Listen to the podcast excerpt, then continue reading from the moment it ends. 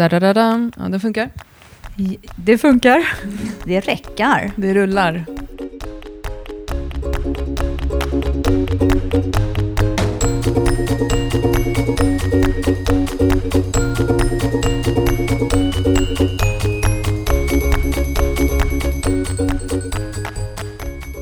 Det är helt sjukt. Nu sitter vi och poddar tillsammans. Alltså när gjorde vi det senast? Det var länge sedan. Det var länge sedan. Jag kommer ihåg att vi gjorde ett avsnitt med Anna och Lina här i min soffa. Och att vi då under, under poddinspelningen så kom, gick regeringen ut med nya restriktioner. Att man skulle stänga ner allting igen. Och vi hade precis öppnat upp för att hålla i workshops och sånt. Och satt och Mm. tittade på varandra och bara... Åh! Då gick luften ur, men nu kan man säga att luften är i oss. Luften är Lite- verkligen i. Vi har lite som en heliumballong känner vi. Ja. Vi lite så flyger fram just nu. Det är inte bara luft, utan det är helium också. Ja, Ja. precis. Vi har ju precis eh, eh, bestämt, eller bestämt, kommunicerat externt att vi ska tillbaka till Crossfit Eken, som är vår hembas. Ett ställe för alla. Ehm, och att vi ska fira det med ett litet marklyftskalas. Och att vi ska... Varför tog vi marklyft egentligen? Jag är ju, det är mitt sämsta. Skitsamma. Ja, men det är härligt med marklyft. Alla älskar marklyft. Ja, ja, verkligen. Det är också så kul på eken därför att man kan ju ha man kan ju i princip ha en skivstång var. Som, ja, exakt. Det funkar också för många och sådär. Det är roligt. Mm. Ja. Och Ja. förr hade vi ju det på eken att det var så här marklyftcirklar där som Shai som har varit med i vår podd höll i. Där alla gjorde så här 100 reps tror jag. Det behöver vi kanske inte göra Nej. på det här passet. Men det ska bli skitkul. Vi ska också ha en lyftarhelg på eken i juni. Vi ska till Örebro i maj och vi ska till Luleå i september. Nej, men så det känns ju hur kul som helst. Och sen också ser jag fram emot när vi båda har lite mindre övrigt jobb i juni. Att vi ska vara på eken. Ja.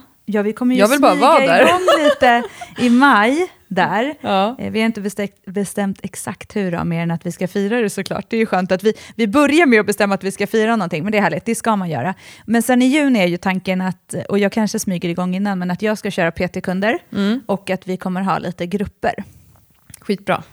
Så det känns väldigt härligt. Det känns lite som, jag satt ju så här äh, häromdagen och tänkte så här, vad är det som jag saknar nu? Mm. För annars är det så här, ja, men det är vår och så, okej, allting så här, förutom självklart det som pågår i världen. Men i övrigt så tänkte jag bara så här, men nu är det ju faktiskt rätt så här mysigt med det mesta här tycker jag. Mm. Och så tänkte jag, så, här, vad är det jag saknar? Men jag saknar verkligen hela det här träningslivet som vi hade, eh, just när vi var på Eken och så här, ha PT-kunder och grupper och kunna bara hänga där och träna lite emellan och sitta där och jobba lite och sådär.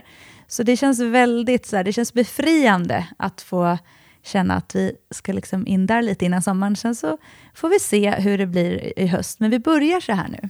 Mm. Men det var, jag pratade i telefon med en eh, polare igår och berättade lite om eken och bara sa så här, men eken är ett ställe som Um, det finns liksom en um, pensionärsgrupp med gamla anarkister som tränar där. Eh, under pandemin så har Vinden varit inredd till snickeri för några cirkusartister som har stått och tillverkat skärbrädor för att de inte haft några jobb. Ehm, det, det finns ett pass på söndagar där som jag tycker man ska spana in som heter Lubba med Leb som är där alla intäkterna från passet går till eh, RFSL Newcomers, eh, deras verksamhet. Ehm, det, och det är så här, ibland kan man köpa lite korv i receptionen, ibland kan man köpa kidneybönor för att stötta Palestina, ibland eh, kommer man dit och så är hela gymmet flyttat till andra sidan lokalen. Ibland är det en, du ett hål i väggen. Alltså jag älskar ju det. Ja, det, alltså, det är verkligen ett, det är extremt befriande och väldigt härlig stämning. Och, alltså, alla är där och alla är liksom sköna mot varandra. Liksom. Mm. Och så alla är välkomna och det är väldigt härligt. Så ja, det, det saknar man verkligen i sitt liv. Ja, Alla borde ha lite mer eken i sitt liv. ja, men det håller jag verkligen med om. Så stor kärlek till Crossfit-eken. Men det ska bli jättekul. Och som du säger, det, det är kaos i världen. Men vi har ju också precis ehm, avslutat en insamling på, som vi har gjort eh, i sociala medier till UNHCR. ehm, och eh, där vi skickade ett eh, träningsprogram till alla som visade oss att de hade swishat till dem. Och de swishade under fem dagar för 73 000 någonting kronor. Helt fantastiskt. Mm, det var ju Och svinkul. många träningsprogram skickade vi ut och det var ju, det är ju härligt. 487 räknade jag det Åh till. jäklar, ja det är Mm. lite. Mm. Wow. Tack så mycket. Ja, alla men det känns kul att, att, att göra någonting och där också där vi liksom bidrar med någonting för att få folk att eh, engagera sig. Och nu har vi fått folk både att kanske få en bättre friskvård för de har fått träning samtidigt som de själva känner att de har bidragit med någonting. Och det var ju verkligen så här, någon swishade 10 000 men flera stycken swishade 50 kronor och skrev så här, jag kan tyvärr inte avvara mer. Och det är ju verkligen, det spelar ju ingen roll, det är ju att man gör och om man inte har möjlighet så har man inte det. Det handlar inte om det. Men jag tror att de flesta mår också bättre av att, av att göra någonting. Jag mår, mådde bättre av att vi satt eh, dygnet runt de här dagarna Och och, skickade skickade program. Ja, men och sen är det ju också så här, alltså, i allt sånt här, och all, alltså, det finns ju så mycket som man skulle vilja bidra med alltid. Men jag tänker också att så är det ju, det är alltid så här, många bäckar små. Det lilla man kan göra bidra med någonting. Och det, det finns ju liksom inget rätt eller fel där. Det är det som ändå är fint med att man bara engagerar sig. Mm. Och jag fick faktiskt en fråga på Instagram som inte jag har svarat på än där, så då kan jag svara på den här i podden. Där det var en som, för att jag har pratat om det i, i tidigare avsnitt, att jag brukar engagera mig ideellt. Och så skrev hon så här, hur kommer man igång med det? Hur gör man? Och eh, jag har engagerat mig i alla möjliga saker ideellt och verkligen du också Johanna. Eh, och då frågade hon också bland annat om den här träningen som jag hade som lades ner på grund av pandemin tyvärr, som var en, en träningsgrupp för nyanlända kvinnor på Eken. Um, och det är ju egentligen bara att hitta en organisation som du tycker eh, att du gillar och som verkar göra bra grejer och kontakta dem och säga att du vill volontära. Det finns ju så många som verkligen behöver folk och som behöver hjälp.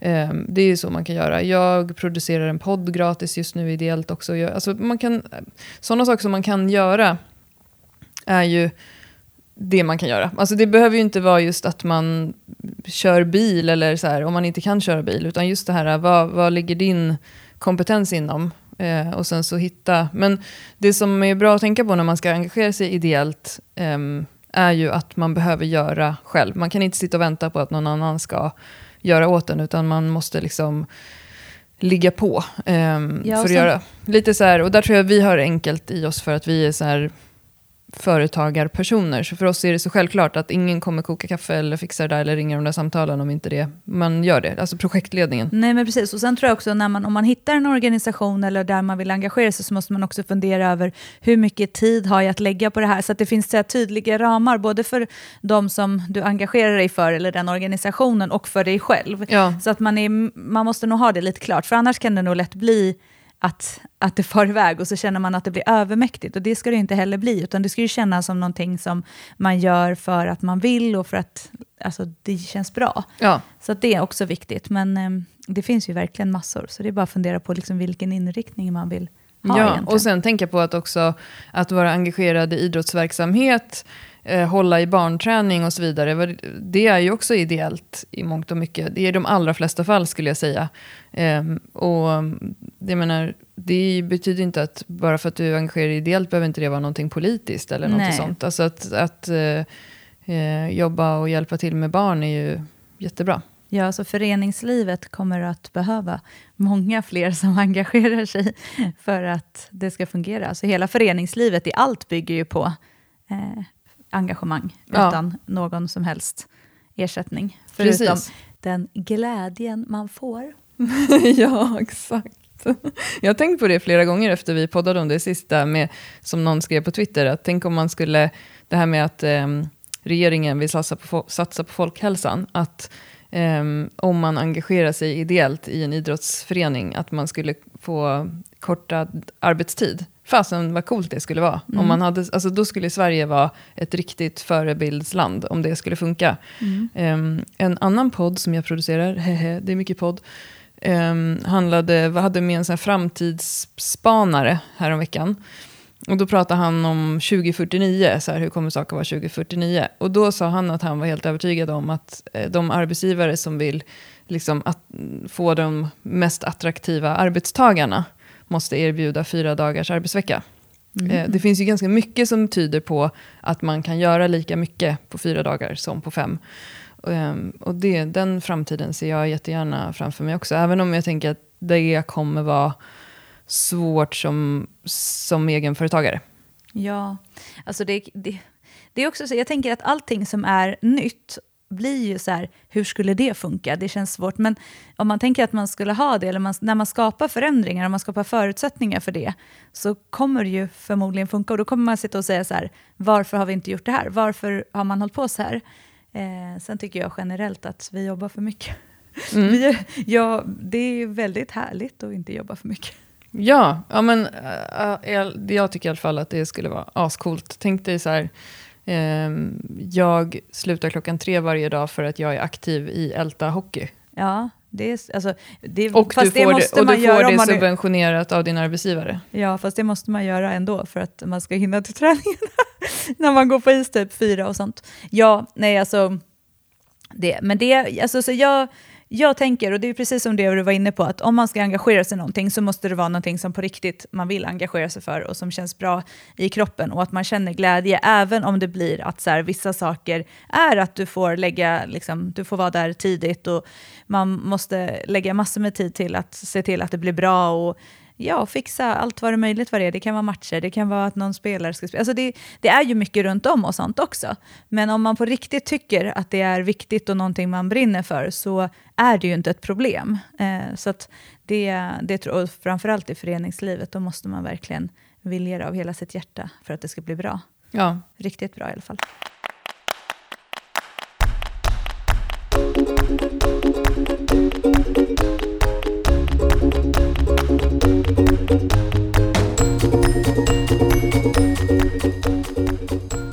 Annan jätterolig grej eh, som jag la ut på Instagram häromveckan eh, om dig Johanna är ju att du har fått ett pris. Ja. Berätta nu allt.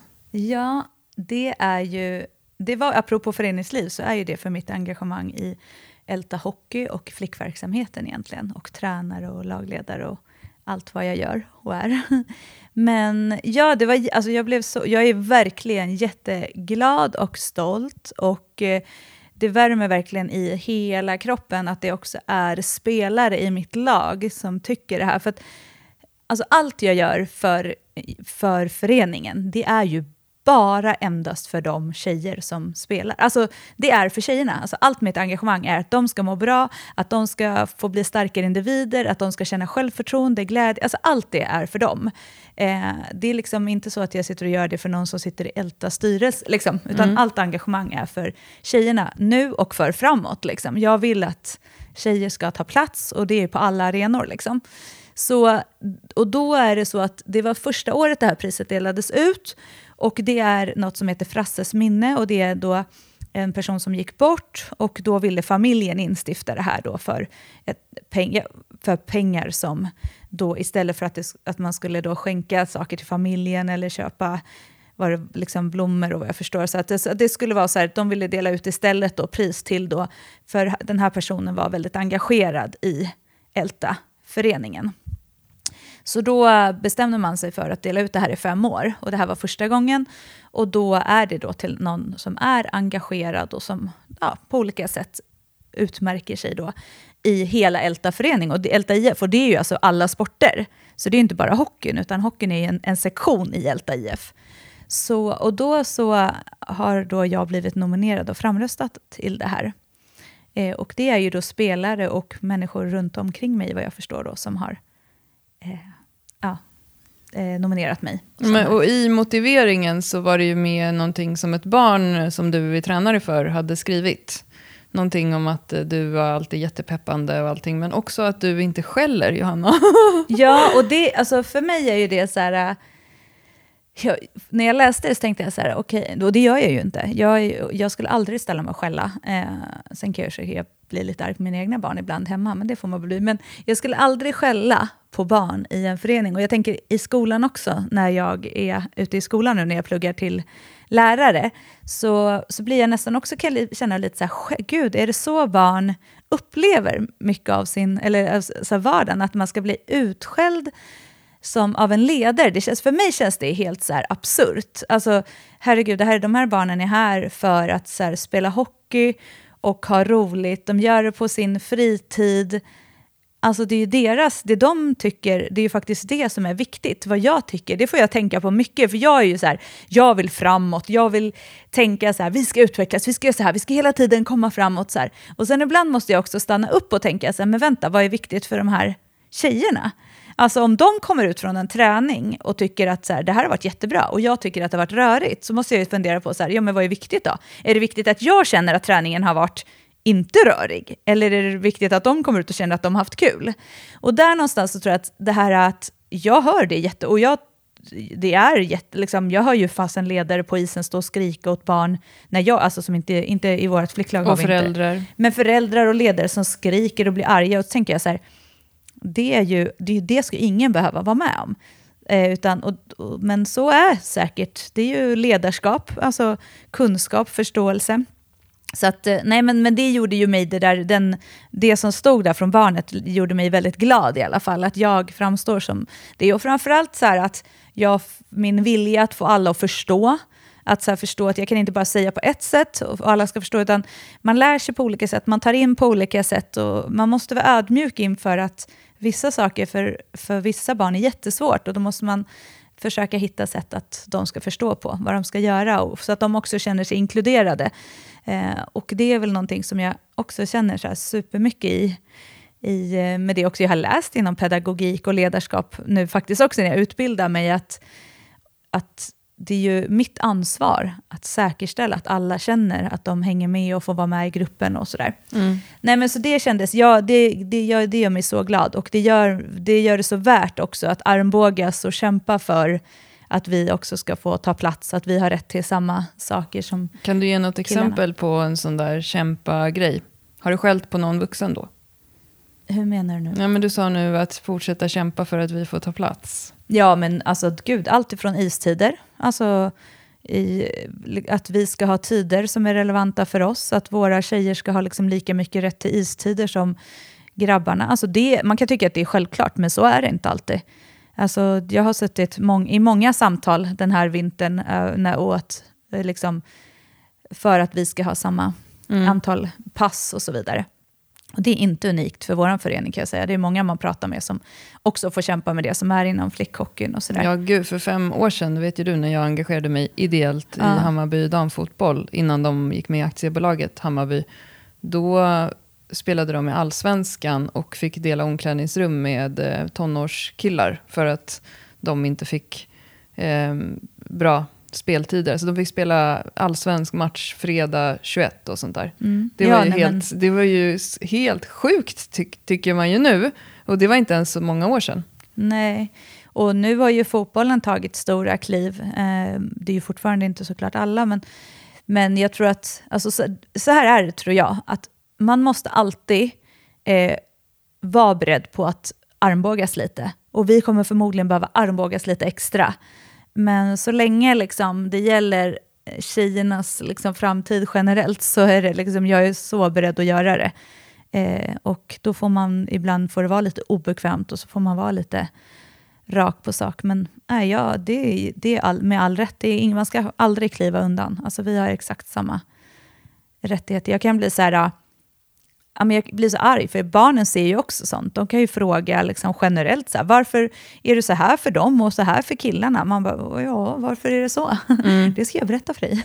Nej, men så att, eh, att, att jobba och slita för att de ska ha lika mycket rätt, det kommer jag alltid göra liksom, på ett eller annat sätt. Sen om det är i hockeyn eller om det är i fotbollen eller någon annanstans så kommer det nog alltid finnas. Det kommer vara något som jag känner är viktigt att engagera mig i. Jag ser ju framför mig att du kommer bli någon så här vd eller sportchef för någon typ av stor idrottsorganisation eller sitta i styrelsen för svensk skolidrott eller någonting sånt där. Och ja, liksom, eh, ja, det, jag har svårt att se att du kommer hamna i eh, att stå i ett klassrum bara. Ja, kanske inte bara. det jag. Men jag kommer nog absolut stå i ett klassrum också.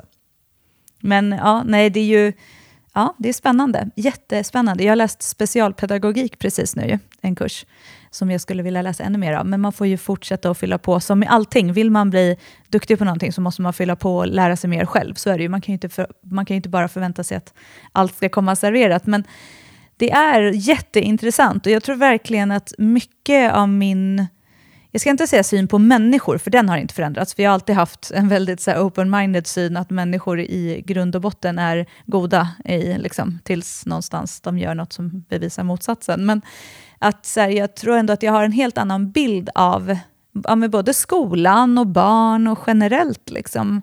Det är så lätt att eh, döma. Mm. Så där tror jag verkligen att jag har försökt att ta några steg tillbaka och använda, ha lite andra glasögon när man ser på saker och ting. Att det inte är så jäkla svart eller vitt. Mm. Ja men verkligen. Och just det här eh, som vi pratade om nyss. Att om man vill ändra någonting så kanske man måste ändra någonting rejält i Mm. systemet. Som en sån grej som, som jag vet också vi har pratat om i podden. Där jag mejlade mina barns skola och skickade en artikel till dem av en idrottslärare om att ta bort eh, ombyte till idrotten för att få fler att delta. För att det finns eh, lite underlag som visar på att fler deltar när man, när man inte gör det. Och vad jag har hört så har det också stämt efter covid, för då tog ju många bort omklädningen på grund av smittorisken. Um, och då var det fler barn som deltog. Och just det här att man kan vara lite svettig och ha på sig sina kläder och gå hem och duscha efter skolan. Och eh, att en grund i det ligger i att många barn undviker att vara med på grund av duschmomentet. Och att den största delen av mobbing och kränkning som sker i skolan sker i omklädningsrummen. Och det är en typisk sån grej som jag tänker att alla skolor borde implementera om man vill få in det här med mer rörelse under dagen. Och det var ett eh, reportage på SVT nu nyligen kopplat kring det här med rörelse under dagen som har förlängt skoldagarna för barnen. Men har lagt in så här, fri aktivitet i idrottssalen istället. Att så här, gå ner i en halvtimme. Och då, gör, då rör ju alla på sig där. Men de behöver inte byta om. Alltså, sådana saker tycker jag är så bra. Att bara så här, och varför inte bara testa saker? Och så kan man ju säga efteråt också så här, nej men det funkade inte. Eh, vi går tillbaka till omklädning eller vi gör si eller så. Men fler, eh, fler organisationer, företag, all, skolan borde också våga testa saker och bara göra som experiment. Ja, men jag tror, det, där är, det där är faktiskt jätteintressant, för det är så mycket som är när det gäller förändring som man är så här, och så tror jag att det är lite i generellt föreningsliv. Och det är väl klart för att det är ju så mycket människor som är engagerade på frivillig basis. Alltså det är kanske inte så lätt bara att göra en förändring, men just det här att så här, varför gör vi inte så här? Att någonstans så man är rädd för att göra förändringar och att det inte ska bli bra, istället för att våga testa och utvärdera. Och det kan jag tycka med skolan och så här, vi säger ju hela tiden till barn, så här, ni måste våga misslyckas för att lära er eller för att det ska hända någonting och man måste våga det för att man ska gå framåt. Men det är många vuxna som är rädda för förändring. Att så här, varför gör vi så här till exempel? Ja, men det har vi alltid gjort. Okej, men varför gör vi det då? Är det ett tillräckligt skäl för att göra någonting? Så just att våga göra en större förändring är ju oftast det som kanske för att det ska bli bra krävs. Och gör man bara små grejer hela tiden så kommer det heller inte bli någon större skillnad. Och det, och det är klart att det är läskigt, men eh, ja, jag tror att de, vågar man, de, alltså tittar man på så här skolor som har gjort så här stora förändringar som har blivit bra, eller som föreningar också, så är det ju oftast ligger det ju en jättestor förändring i grunden, men det är ju inget arbete som kommer gratis, utan det krävs ju jättemycket arbete runt det. Mm. Så att, eh, ja, jag, tänk, jag tänker framförallt på skolor, just det här med att inkludera alla barn och hur, man, liksom hur verksamheten fungerar och hur man ser på i sitt klassrum och dagarna. och så här. Det, Där tänker jag att, att många skulle behöva jätte- göra, tänka annorlunda och kanske ändra ganska mycket från det klassiska. Men eh, det är ju såklart läskigt. Mm. Det pratas ju mycket nu om um, återgången till arbetsplatser efter corona. Nu är det verkligen så att majoriteten har inte jobbat hemifrån under corona. Men det pratas ändå mycket om det. Och framtidens kontor och hur ska man utforma dem. Och det finns en jättestor trend nu i utformningen av arbetsplatser att man ska fokusera mer på det här med hälsa.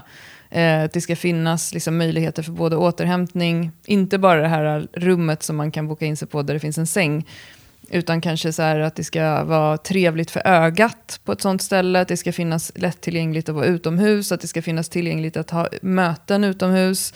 Eh, att det ska vara mer liksom, friskvårdsbaserat. Eh, men samtidigt så pratar man också om så här, okej okay, nu har vi också insett att en stor del av de som har jobbat hemma under den här perioden har också mått bra av att jobba hemma. Därför att precis det du säger Johanna, som man kan se med barn i skolan, att vissa behöver fokusera individuellt för att kunna liksom, kanske till och med med hörselkåpor för att stänga ute ljud. Medan vissa lär sig mycket bättre om de är i ett klassrum där det händer jättemycket saker och man gör saker liksom, i ett experiment tillsammans. Och så är det ju på arbetsplatser också. Så nu pratar man inom så här kontorsplanering och sånt.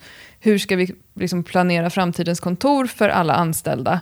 Och jag pratade med en kund till mig häromdagen och det här kan jag verkligen relatera till, som, som har börjat gå tillbaka till kontoret, som sa att, eh, hon sa så här, enda sak som är lite jobbigt, för hon sa att jag, jag mår bra av att gå till kontoret och känna att, att jag är på mitt jobb och sådär, men det är så himla mycket att träffa alla människor nu igen, och så här, att man stannar upp överallt och bara, hur är det med dig, hur är det med dig? Hon sa, jag blir helt utmattad av det. Jag behöver också få gå till jobbet och bara sätta mig någonstans och fokusera en stund.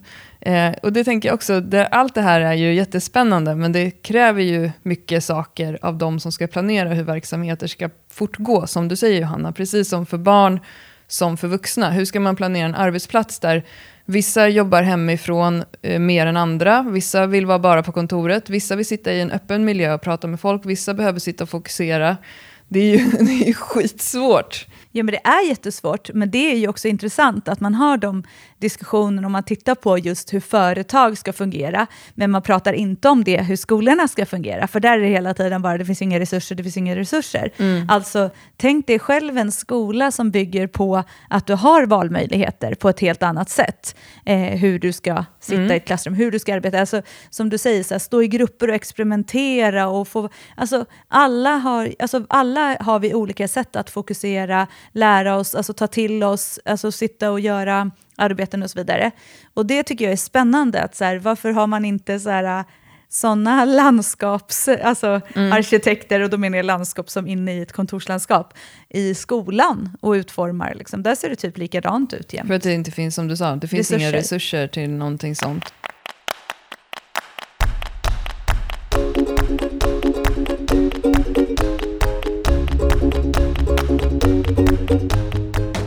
Men nog pratat om skola, tänker jag. Ja, ska vi prata om det här med skivstänger? Ja, typ träning känns det som.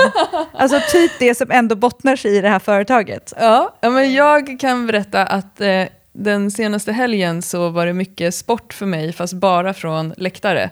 Jag satt i idrottshall och tittade på gymnastik. Men jag satt också i sängen och följde styrkelyfts-SM som har varit i Piteå precis. Och det var ju väldigt speciellt för att jag tror, jag kan ha fel så nu kanske någon rättar mig, men jag tror att det var det första SM efter pandemin. Jag är inte säker, det kan ha varit något.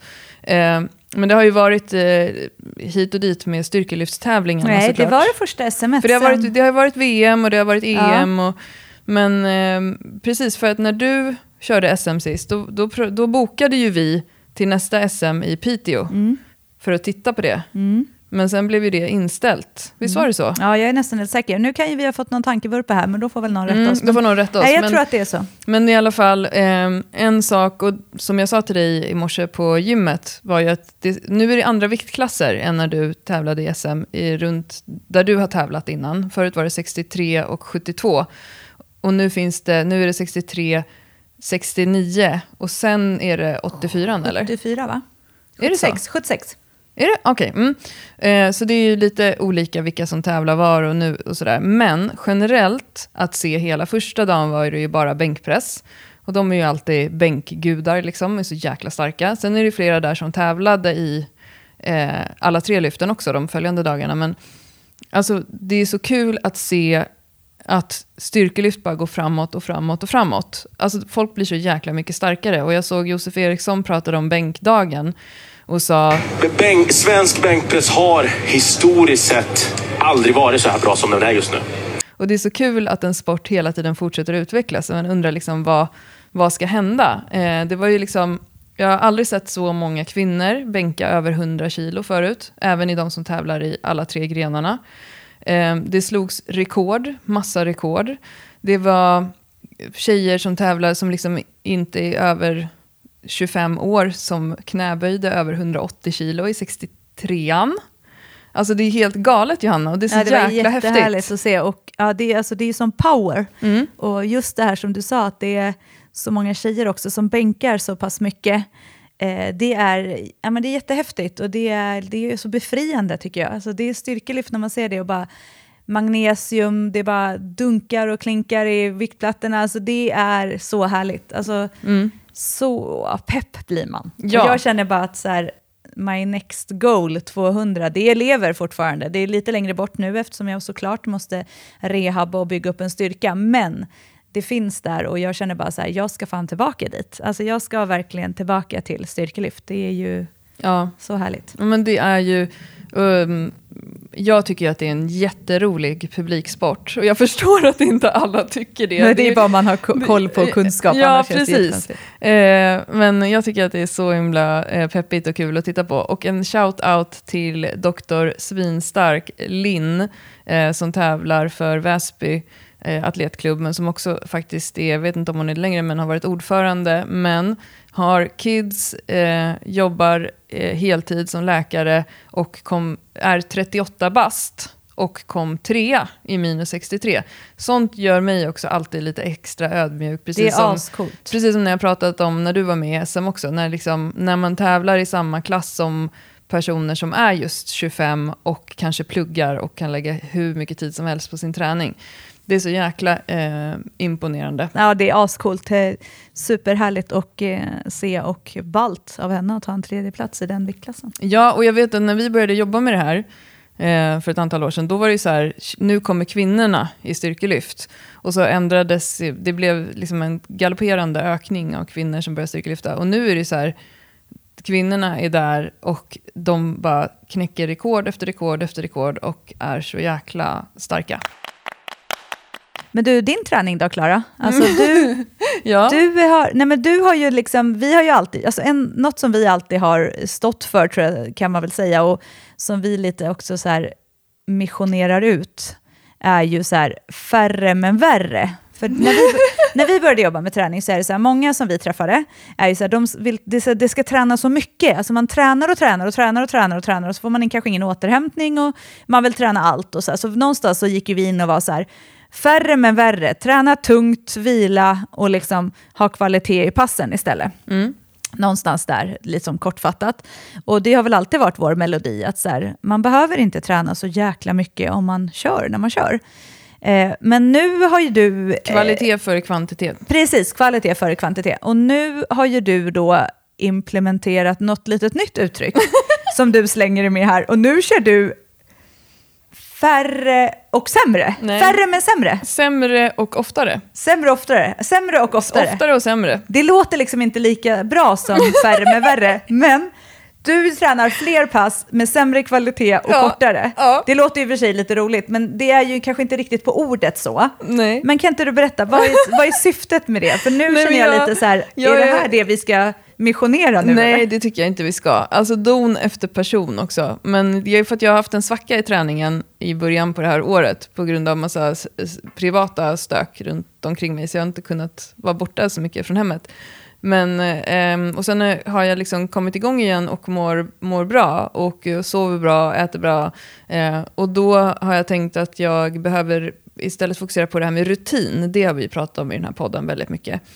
Och just rutin, alltså vi pratar ju jättemycket om att så här, lyssna på kroppen, men kanske inte lyssna på kroppen. Till exempel eh, då kanske inte ligga kvar i sängen. För en sak som jag måste erkänna är ju att eftersom jag har jobbat hemma väldigt mycket senaste året, så när mina ungar går till skolan på morgonen, då brukar jag gå och lägga mig i sängen igen och så läser jag nyheterna lite och så dricker jag lite kaffe och så röjer jag lite efter dem och sen kommer jag igång och jobbar klockan nio. De flesta, många börjar jobba klockan nio, det tycker inte jag är så konstigt.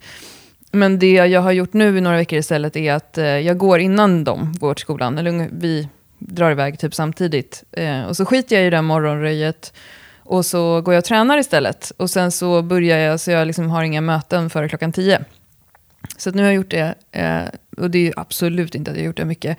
Men just lite så här.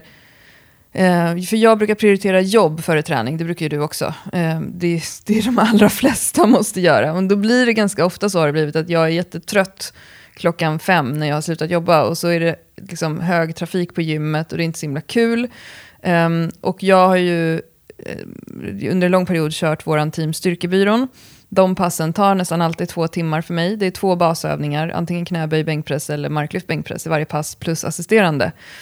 Så att um, på totalt sett så tränar jag kanske lika mycket nu, men fler pass kortare. Men eftersom att jag också har haft en svacka i träningen så har jag ju eh, bestämt att jag får inte hålla på och köra tungt.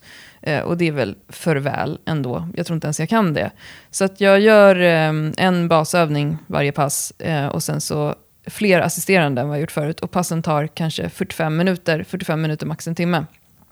Och det har varit faktiskt jättebra veckor. Så jag liksom är, har varit pigg hela dagen och glad och sen så är, är jag klar på kvällen. Eh, men det som också har hänt är ju att jag eh, förra, i fredags vaknade och hade ont i en axel. Ja, det, det, är också så roligt. Men det, och det är klart att det, det... Jag tänker ju så här, att det har ju med flera saker att göra. Det har med att göra att du har gått på det nu och innan så har du suttit jättemycket vid datorn. Alltså mm. det här mm. klassiska. För det du också sa till mig då när jag frågade så här, varför tror du att det har kommit? Mm. Då sa ju du så här, mm, mm, mm. så ville du typ inte svara. Och sen så kom det ju fram att du så här, jag kanske inte värmer upp så mycket nu Nej. när jag gör korta pass. Och förra alltså, avsnittet så pratade vi om det här med generell uppvärmning och ja. specifik uppvärmning. Och jag har ju inte gjort någon generell uppvärmning överhuvudtaget nu, utan jag har ju bara gått in direkt under skivstången. Och, eh, jag, jag har ju inte, nu har jag ju, idag är det tisdag, jag vaknade i fredags, idag är jag smärtfri. Ja. Eh, så att, och lite nästan besviken, för att eh, jag kände så här, nu kommer jag få använda min kunskap som jag har använt så många gånger med kunder på det här för att liksom rehabba. Kommer du ihåg att vi brukade använda oss av några så riktigt eh, gamla byggiga gubbar på YouTube som hette Diesel Crew? Ja. De har ju så Diesel Crew Shoulder Rehab Protocol, kan mm. man kolla in på YouTube. Det är jättebra, det är jättemycket så här excentriska hantelroddar, sånt som, där man får jobba med axelleden. Men ja, så jag hade ju så generell eh, axelsmärta eh, och eh, konstaterade att liksom, rörligheten var ändå god. Alltså det var verkligen inte så farligt som det kan vara för vissa, att det är fruktansvärt så. Jag kunde inte sova på axeln första natten. Och jag hade ont under deltoideus, det vill säga den här, äh, din snygga armmuskel på sidan. Så jag kunde också förstå vad det var och så, så var det lite knakigt där inne. Så jag gjorde lite så här, eh, rotationer och det, det kändes lite och så. Men, men eh, jag tror ju att det är en kombination av att jag är äldre, kul, Eh, skruttigare och som du säger, har ett mer stillasittande jobb. Jobbar mer med dator än vad jag gjorde förut när jag jobbade på gym. Eh, och sen eh, då kanske inte värmde upp tillräckligt mycket och sådär. Eh, men det finns ingen övning efter att jag hade ont. Jag gick till gymmet i lördags morse och bänkade. Jag har inte, inte kunnat bänka och så. Men jag gjorde det lite, eh, framförallt så har jag stretchat mina pecs. Jag har stretchat hela axeln. Jag har gjort så här kapselstretch eh, för axeln. Jag har jobbat med gummiband. Eh, och eh, jag har framför allt eh, ökat rörelsen över hela dagen. Så jag har liksom rört, snurrat, roterat, skakat på axeln hela dagarna eh, och hållit igång den. Och eh, tränat med lätta hantlar, eh, eh, musklerna på baksidan. Och nu är det ju bra. Så det, är, det är ändå härligt. Och, men jag men, kommer inte sluta med det här nu, det måste jag också säga. Att det här är ju en signal på att så här, Klara Fröberg, du är inte längre någon eh, fitnessatlet. Teen och fitnessatlet. Nej, men och, grejen är, det är också så här roligt, för när du sa så här, du bara, nu har jag fått känna det här, så nu har jag lagt in det här och det här och det här och det här. Och det här. Alltså det är också så ja. roligt, för du är ju också så, när du bestämmer någonting, då är det ju så här, dysch, dysch, dysch, dysch, och så gör du det liksom. Mm.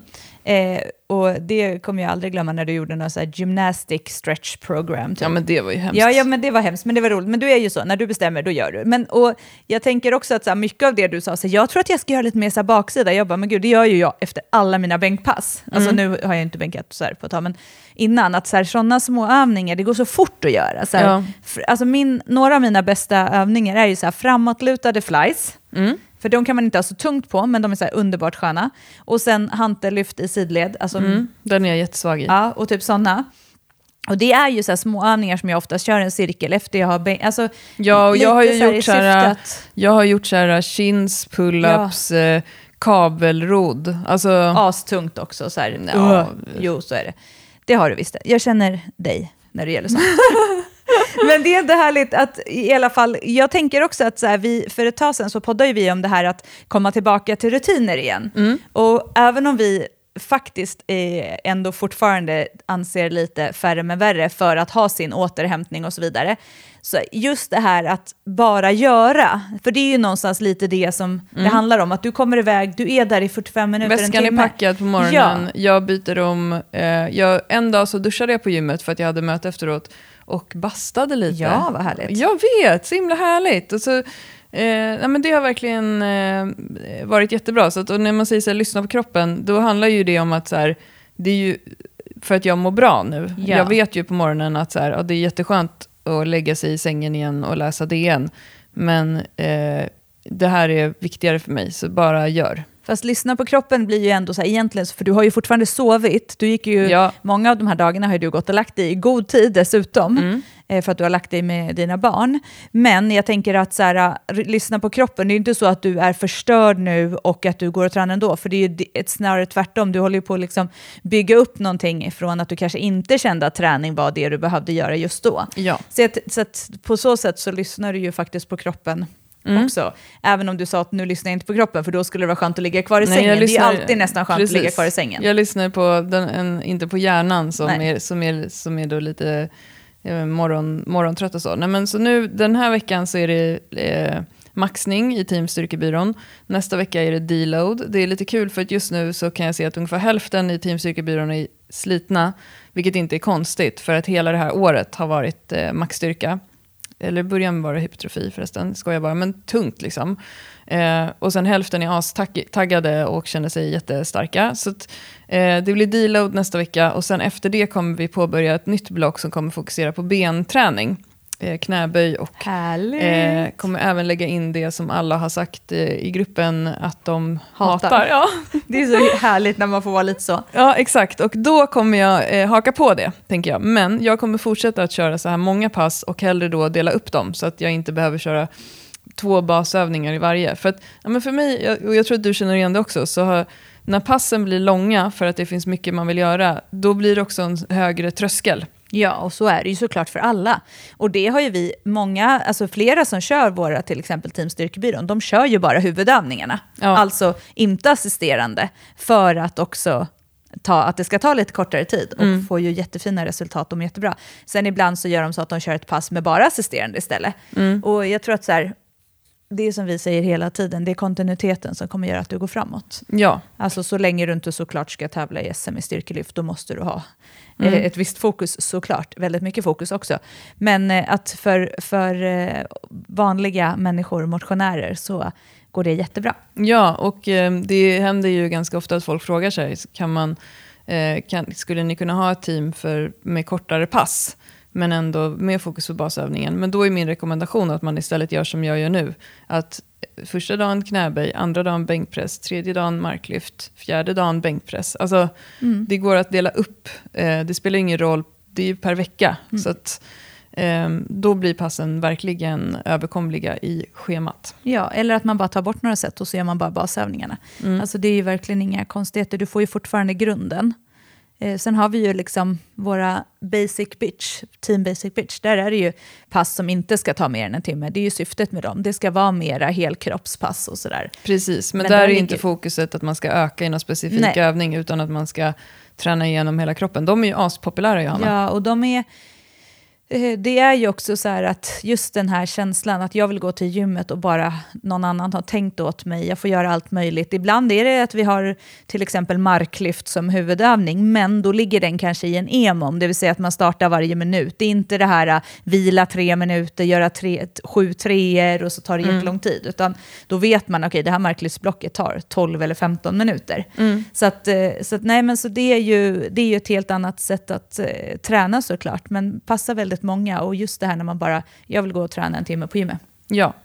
Så det är super. Och det körde jag ju förut, jag tyckte det var jätteskönt. Uh, också när jag bara ville gå och gymma eller träna. Men eh, nu kör jag ju mest, eh, mest, jag kör min rehab nu, så jag var helt överlycklig idag, för då provade jag att göra enbens lårcurl och enbens spark.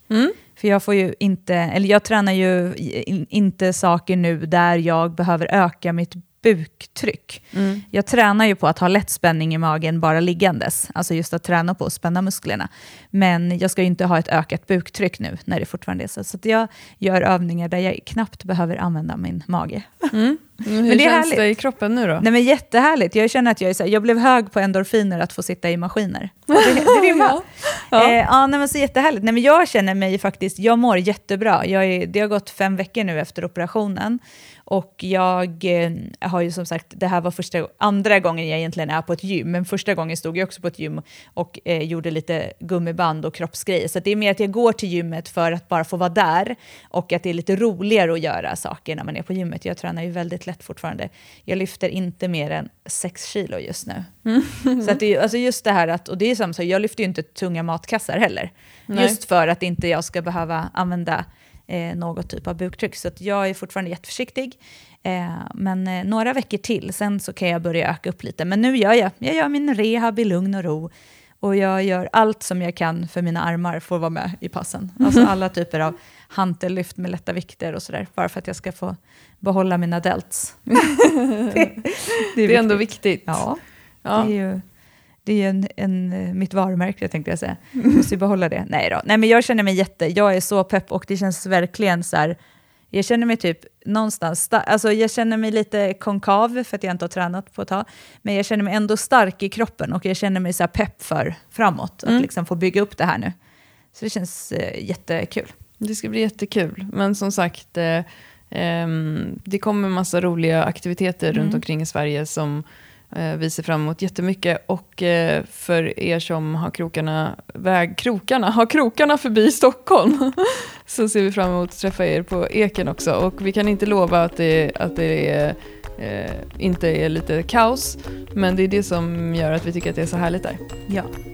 Gud vad härligt. Ja, ska vi Ja. säga så? Det gör vi. Ja, vi hörs då. Det vi ses. Puss, hej. Hej då. thank you